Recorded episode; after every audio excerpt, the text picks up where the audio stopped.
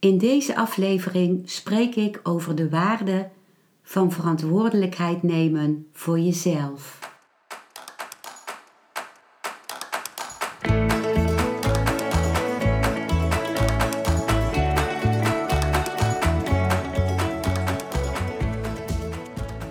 Welkom bij een nieuwe aflevering van Modita's podcast Van Pijn naar Zijn. De podcast waarin ik je meeneem voorbij de pijn in je leven naar wie je diep van binnen bent. Hoe kun je beter omgaan met je gevoelens? Hoe vind je rust in je hoofd? Wat zit er precies achter je pijn? En vooral, hoe kun je steeds meer jezelf zijn? Adem eens diep in en uit. Ik wens je veel luisterplezier.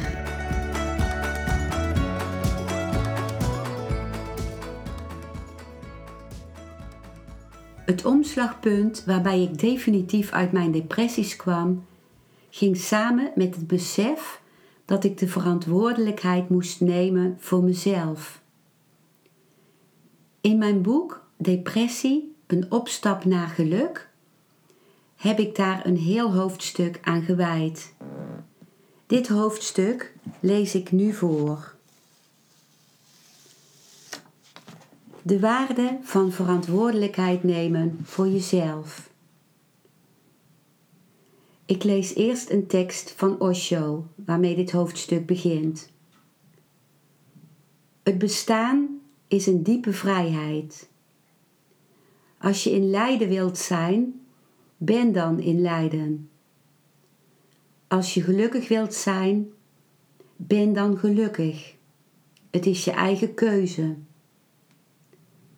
Maar het is te veel voor onze mind om te denken dat alles onze keuze is, omdat we dan verantwoordelijk zijn. Wanneer je gaat denken dat jij de oorzaak van je lijden bent, dan zul je je heel slecht voelen het voelt altijd beter om iemand anders de oorzaak van je lijden te maken. Maar onthoud, als iemand anders de oorzaak van jouw lijden is, kun je nooit vrij worden. Dan is er geen bevrijding. Maar wanneer jij de oorzaak van je lijden bent, dan ligt de bevrijding in jouw handen. Jij kunt iets doen en het veranderen. Dit was de tekst van Osho uit het boek The Supreme Doctrine. In mijn depressie stuur ik een mail aan Pavitra Wolf Matthews. Help me, ik kom maar niet uit mijn depressie. Pavitra is een wijze vrouw die geworteld is in zichzelf. Gedurende een aantal jaar heb ik van haar om de paar maanden craniosacraaltherapie gehad. Zij heeft altijd in mijn mogelijkheden geloofd, hoe depressief ik ook was. En zei regelmatig dat ze heel benieuwd was naar wat voor werk ik uiteindelijk zou gaan doen. Enkele jaren geleden verhuisde ze naar Zweden. Haar antwoord op mijn hulpvraag is onverbiddelijk. Ze schrijft dat je je al zo lang ongelukkig voelt, betekent dat je je huiswerk niet hebt gedaan. Poef, dat komt aan. Geen, oh wat vervelend voor je, wat kan ik voor je doen? Het blijft in me doorwerken. Vooral omdat ik voel dat ze spreekt uit ervaring. Het moet zo zijn dat zij haar huiswerk wel doet. Ik begin te beseffen dat de bevrijding uit mijn depressie niet zomaar zal komen aanwaaien. Dat er waarschijnlijk ook geen verlossende therapiesessie zal komen. En ook geen workshop waardoor mijn hele leven een andere wending zal krijgen. Het huiswerk dat zij bedoelt moet te maken hebben met oefenen. Wat dan te oefenen? In feite weet ik het antwoord op deze vraag. Dat wat ik in de vele trainingen, workshops en therapieën aangereikt heb gekregen, heb ik uiteindelijk niet geïntegreerd in mijn leven. Ik had altijd min of meer verwacht dat de oplossingen van buitenaf zouden komen en dat wat ik geleerd had automatisch zou beklijven. Ik had gedacht dat wanneer ik uit mijn depressie zou komen, dit automatisch een harmonieuze en stabiele toestand zou zijn, zonder dat ik verder nog moeite zou hoeven doen om dat evenwicht in stand te houden. Ik ben er tot dat moment van uitgegaan dat mensen als Pavitra iets hebben wat ik niet heb, waardoor zij vanzelf al gegrond, stabiel en evenwichtig zijn. Ik heb altijd gevoeld dat ik diep van binnen geen verantwoordelijkheid voor mezelf draag en dus niet volwassen ben. En heb hiervoor allerlei excuses uit mijn verleden aangevoerd, zoals ik heb mijn eigen leven niet kunnen leiden omdat ik de pijn van mijn moeder wilde dragen. Ik ben overbeschermd geweest door mijn ouders. Ik heb van mijn ouders niet geleerd om krachtig in de maatschappij te staan. In feite weiger ik mijn kindpositie op te geven, omdat ik boos ben op dat wat ik niet van mijn ouders heb gekregen. Ik wil het alsnog krijgen en blijf daardoor psychologisch gezien klein. Ik vraag op diverse, vaak indirecte manieren van anderen, van vrienden, zussen, therapeuten, om de verantwoordelijkheid voor mij te dragen. Mira Hashimoto opent in de Art Therapy Training mijn ogen voor hoe koppig een kind kan zijn in zijn zienswijze. Wanneer het kind pijn heeft opgelopen, bijt het zich daarin vast en gaat alles zien door de gekleurde bril van wat er op dat pijnmoment is gebeurd. Als we volwassen zijn, kijken we vaak nog steeds door die gekleurde bril en zie niet de werkelijkheid van de hele situatie. Dat onze ouders ook maar gewone mensen zijn met hun imperfecties. Mensen die soms moe zijn, voor wie de opvoeding niet gemakkelijk is en die zelf ook allerlei onverwerkte dingen uit het verleden met zich meedragen. Bert Hellinger, grondlegger van de familieopstellingen, waarop ik in een later hoofdstuk terugkom, beschrijft in het boek Erkennen wat er is, dat je het volwassen worden niet kunt forceren. Ik citeer: In de familie ontwikkelt zich zoiets op een heel natuurlijke manier. Eerst is het kind nog gebonden.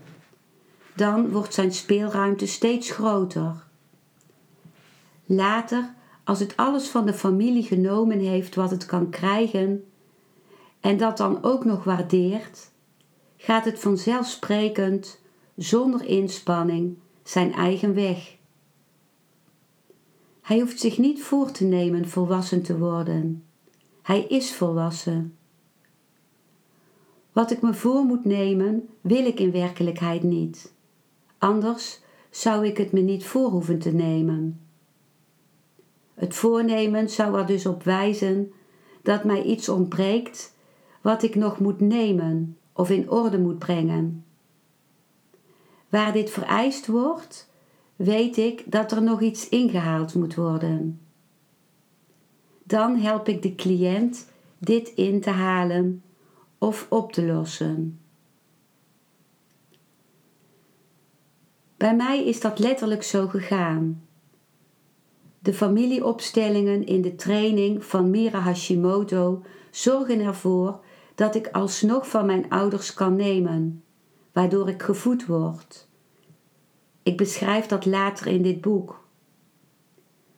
Vanaf dat moment ben ik bereid de verantwoordelijkheid voor mezelf te dragen en de gereedschapskist te openen waarin zich alles bevindt wat me in mijn leven heeft geholpen. lichaamsoefeningen, meditaties, familieopstellingen, wandelen in de natuur, gezond eten, de woorden van Osho, contact met anderen en alle inzichten over mezelf. Ik ben dan vastbesloten om dit allemaal te blijven gebruiken, om zo nooit meer richting depressie te gaan. Osho spreekt over het nemen van eigen verantwoordelijkheid als iemand hem vraagt of het doel van een therapiegroep is om de deelnemers bij hun ware zelf te brengen. Osho zegt dan: Je vraagt of het doel van de therapiegroep is de deelnemers bij hun ware zelf te brengen. Nee, dat is niet het doel. Het doel is om je bewust te maken waar je staat, wat je met jezelf hebt gedaan, wat een schade je jezelf berokkend hebt en nog steeds berokkent, wat een wonder je jezelf toebrengt. Iedere wond draagt jouw handtekening. Het doel van de groep is je bewust te maken van je eigen handtekening. Dat het allemaal door jou ondertekend is. Dat niemand anders het gedaan heeft. Dat al je ketenen door jou zijn gesmeed. Dat de gevangenis waarin je leeft jouw eigen bouwwerk is. Niemand heeft je dit aangedaan. Als je ziet dat je je eigen gevangenis bouwt, hoe lang kun je daar dan nog mee doorgaan? Het ligt anders als jij in die gevangenis wil wonen. Maar niemand wil in een gevangenis wonen. Iedereen leeft zo omdat hij denkt: anderen maken mijn gevangenis, wat kan ik eraan doen? Iedereen schuift altijd de verantwoordelijkheid op anderen. Door de eeuwen heen heeft men steeds weer nieuwe maniertjes bedacht. Maar het doel bleef gelijk: de verantwoordelijkheid op een ander schuiven. Groepstherapie kan je ervan bewust maken dat nog God, nog de maatschappij, nog je ouders verantwoordelijk zijn. Als er iemand verantwoordelijkheid is, dan ben jij het. Een groepsproces hamert op het simpele feit dat jij verantwoordelijk bent. Dit gehamer heeft een grote betekenis. Omdat wanneer je eenmaal begrijpt dat ik ben het, ik zelf doe kwaad aan mezelf, de deuren opengaan.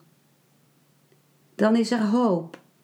Dan is er echt iets mogelijk. Revolutie is mogelijk door verantwoordelijkheid, door verantwoordelijkheid, persoonlijke verantwoordelijkheid. Je kunt veranderen. Je kunt oude patronen laten vallen. Ze zijn niet je lot. Maar als je ze als zodanig accepteert, worden ze je lot. De vraag is alleen of je ze voedsel geeft of niet. En ik zeg niet dat je ouders je niets misdaan hebben. En ik zeg ook niet dat de maatschappij je niets misdaan heeft. Ik zeg dat ook niet. De maatschappij heeft heel veel misdaan. Je ouders hebben heel veel misdaan. Het onderwijs en de priesters, ze hebben veel misdaan. Maar uiteindelijk ligt de sleutel in jouw handen. Jij kunt het allemaal loslaten.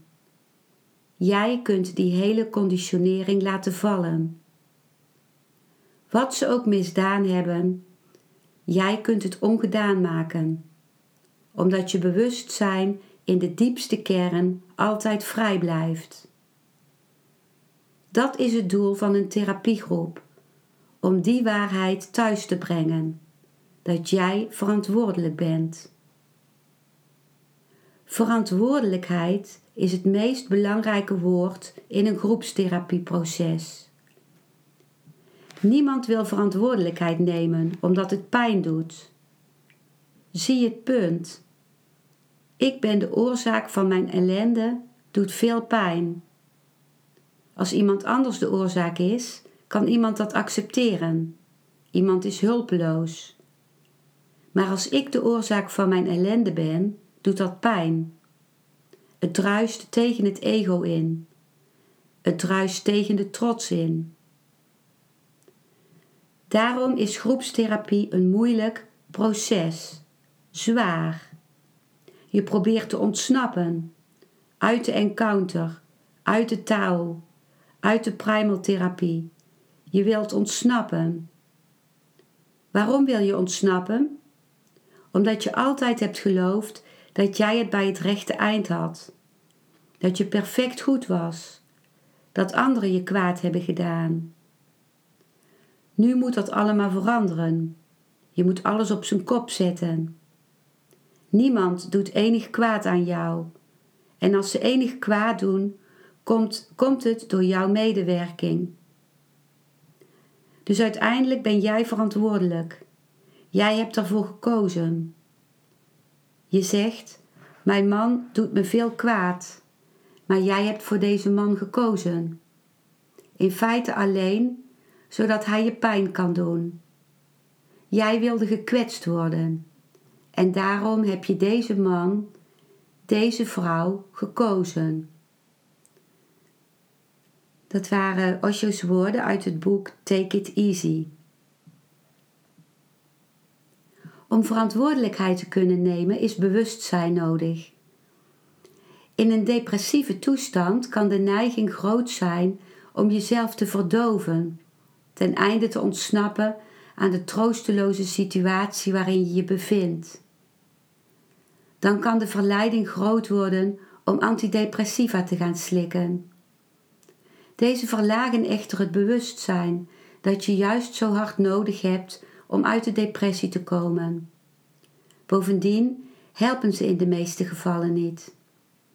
Daarover gaat het volgende hoofdstuk. Dit was mijn volledige hoofdstuk, uh, de waarde van verantwoordelijkheid nemen voor jezelf, uit mijn boek Depressie, een opstap naar geluk. Dit boek uh, kan ik je van harte aanbevelen, ook als je niet depressief bent. Omdat er zoveel ingangen in staan om een uh, vervuld leven te kunnen leiden. En de link naar dit boek uh, vermeld ik on, in de beschrijving onder deze aflevering. Dankjewel voor het luisteren naar deze aflevering. Ik hoop dat hij je een nieuw inzicht of perspectief heeft gegeven. Ik hou van interactie, dus als je iets wilt delen, stuur me dan een mailtje op info@genietenvanmeditatie.nl. Ik geef je dan altijd antwoord. Ik wens jou dat je vreugde in het dagelijks leven zult ervaren en innerlijke rust. En dat je steeds meer je pijn zult kunnen omvormen in zijn. Je kunt de afleveringen van deze podcast volgen via Spotify, Google Podcast, Apple Podcast en Podbean door op de volg- of abonneerknop te klikken. Als je luistert via de Apple Podcast, dat kan alleen als je een iPhone hebt, heb je een extra voordeel. Omdat als je op de knop abonneren klikt, je steeds een berichtje op je mobiele telefoon ontvangt als er weer een volgende aflevering van mijn podcast verschijnt. Je bent van harte welkom bij die volgende aflevering.